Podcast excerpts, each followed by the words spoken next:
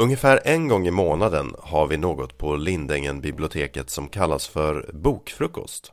Upplägget är enkelt. Vi fikar lite grann, tipsar och berättar om något vi läst eller lyssnat till sedan sist. Oftast börjar det med att jag berättar om något. Och en fredagsförmiddag i mars blev det poesi till frukost och en vandring bland de små bokstäverna. Vi öppnar dörren och kliver in. Här var min kaffekopp. Där är vatten. Vill du ha, ta, har du kaffe? Jag gör kaffe fanns där så. Ja, precis. Jag heter Jonas. Nu tänkte vi göra så här att medan ni eh, tar för er av lite frukost så kan ju jag prata då. Eh, och nu ser det kanske ut som jag ska göra något avancerat här. Ja. När jag har högtalare och datorer framme. Men, eh, ja, precis. De kan ni sänka. För eh, det här grundar sig egentligen i att jag tyckte inte jag hade någonting jag skulle prata om. Så därför tänkte jag att ni skulle få lyssna på två korta grejer och eh, reagera på det. Vad säger ni om det? Ja, det låter spännande. Det låter spännande. Jag tänkte att vi skulle lyssna på den här korta dikten eh, när författaren själv läser upp den. Så ska vi se hur det låter. Så jag sätter igång här. Ska vi se. Urskog med en rad figurer. Vittnesbördens tält. Varför finns det ingen förklaring? Det går aldrig över. Det finns ingenting annat. Du kan inte lämna din kropp. Så. Kände någon igen rösten? Nej, det förstår jag kanske. Eh, det är en, en poet som heter Ann Jäderlund. Som är född 1955 tror jag. Så hon har hållit på sedan 80-talet och skrivit poesi. Och varför valde jag det här? Jo, så här var det att eh, för ett tag sedan var det bokrea. Eh, bokhandlarna säljer ut böcker och så. Jag var inte på den i år, i år, men för många år sedan, eller för ett antal år sedan, så stod jag i alla fall i en bokhandel och, och gick- jag gick in där för att jag inte skulle köpa någonting. Det var liksom, jag skulle bara titta. Och så var det bokrea. Eh, så tog jag fram, hittade jag i alla fall den här boken av Ann Jäderlund som var nedsatt pris. Så stod jag och höll i den och sa, jag ska ju inte köpa någonting e-, egentligen. Så dök det upp en annan bibliotekarie som också gick in i, den, i samma affär och såg att jag stod och höll i den. Så, så, frå, så frågade han mig, ska, ska du köpa den? Nej, jag, jag ska ju inte det. Nej, jag ska nog inte det. Så sa hon, ja, men det är ju så lite text i den. Det, det, så då, då kan du väl köpa den i alla fall. Ja, Också ja, konstig motivering. Ja, men då tar den inte... Då kanske man hinner läsa den liksom och sådär. Så, ja, men okej. Så jag köpte den faktiskt. Eh, och den har stått där hemma och liksom, jag har väl kanske läst lite grann.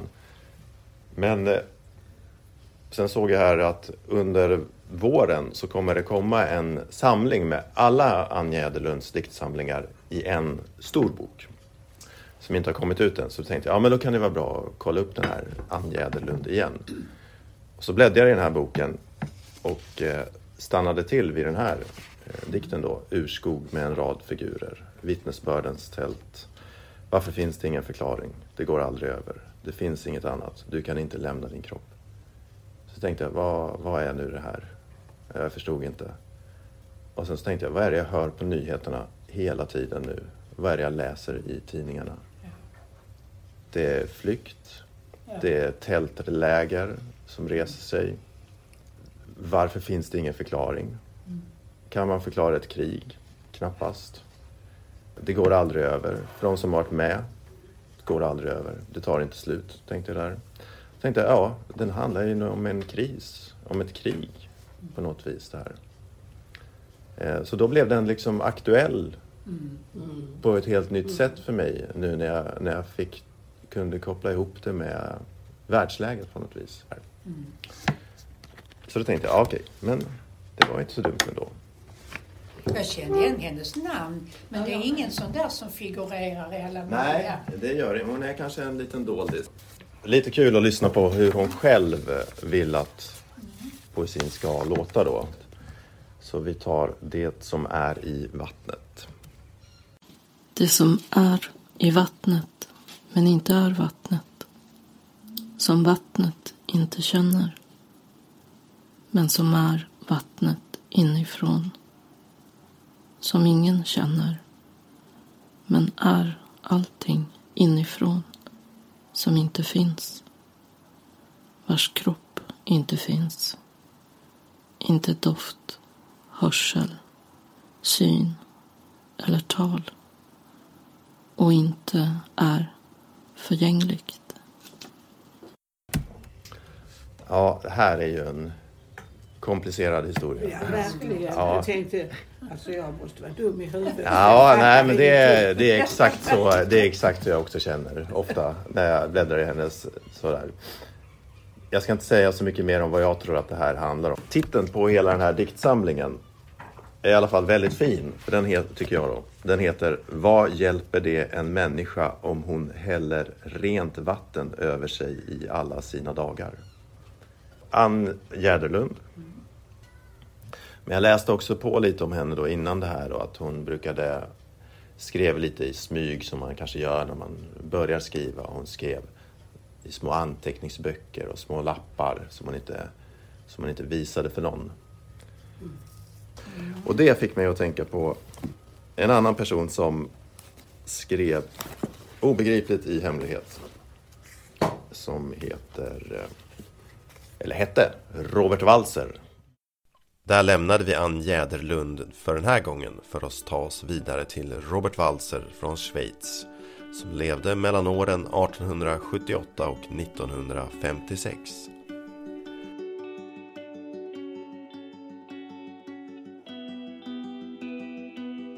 Många har fascinerats av Walsers öde. Från ung och lovande författare till att spendera större delen av sitt liv på olika vårdanstalter där han så småningom slutade att skriva. Men innan han helt slutade skrev han något som har kommit att kallas för mikroskrifter. Millimeterhöga bokstäver nedtecknade med blyerts på olika papperslappar. Kanske var det aldrig meningen att dessa skulle läsas av någon men efter Walsers död har litteraturvetare lyckats renskriva anteckningarna. Att titta på reproduktioner av de här mikroskrifterna det är som att betrakta konstverk i sin egen rätt. Små hemliga världar nedtecknade på vykort från den högst konkreta verkligheten i form av reklamblad, telegram, tidningar och så vidare. På senare år har bokförlaget Fäton, översättaren och författaren Peter Handberg gjort det möjligt att ta del av Robert Walsers texter igen. Både mikroskrifter, prosa och en form av biografi nedtecknad av Walsers vän Carl Selig har getts ut. Och nu har även romanen Jakob von Gunten, en dagbok från 1909 kommit i en reviderad översättning av Ulrika Wallenström.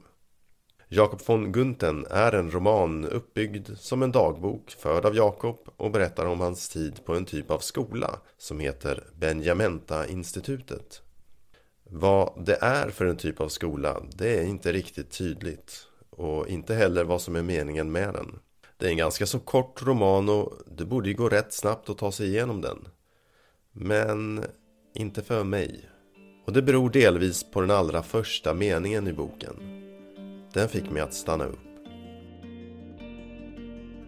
Jag fortsatte att läsa men bläddrade flera gånger tillbaka för att läsa den en gång till. Och för mig framstår den nu som en öppningsmening som kanske borde höra till det bästa och mest välkända.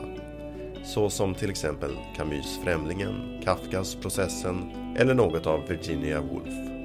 I Ulrika Wallenströms översättning låter den nu så här. Man lär sig mycket lite här. Det saknas lärare och vi gossar på Benjamenta-institutet kommer inte bli någonting. Det vill säga, vi kommer alla att bli något mycket litet och underordnat i livet.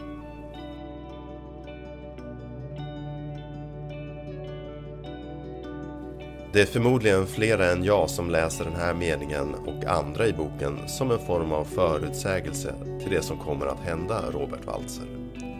Hans bokstäver blev mindre och mindre och den sista tiden på den psykiatriska anstalten ägnade han åt till att sortera snören och utföra små sysslor.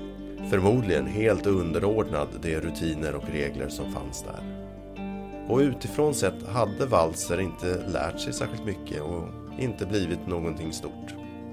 Men det vi kan ta del av som kommer från hans inre är något desto större.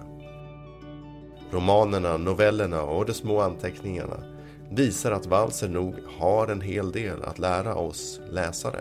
Men tillbaka till bokfrukosten på biblioteket. Jag har just presenterat Walser och översättaren Peter Handberg då en av deltagarna säger nu är detta så konstigt för allting idag det är så märkliga sammanträffanden. Man ser världen liten. Förord av Peter Handberg. Ja, precis. Exakt. Alltså, Ja, det har du helt rätt i. Hon har läst och skulle berätta om en bok som heter Världens yttersta platser Judiska spår Skriven av just Peter Handberg, Waltzers översättare. Och oftast blir det så här när vi träffas. Vi hittar kopplingar mellan de böcker vi läst på ett eller annat sätt. Och kanske har den något gåtfulla Waltzer och Jäderlund vissa likheter.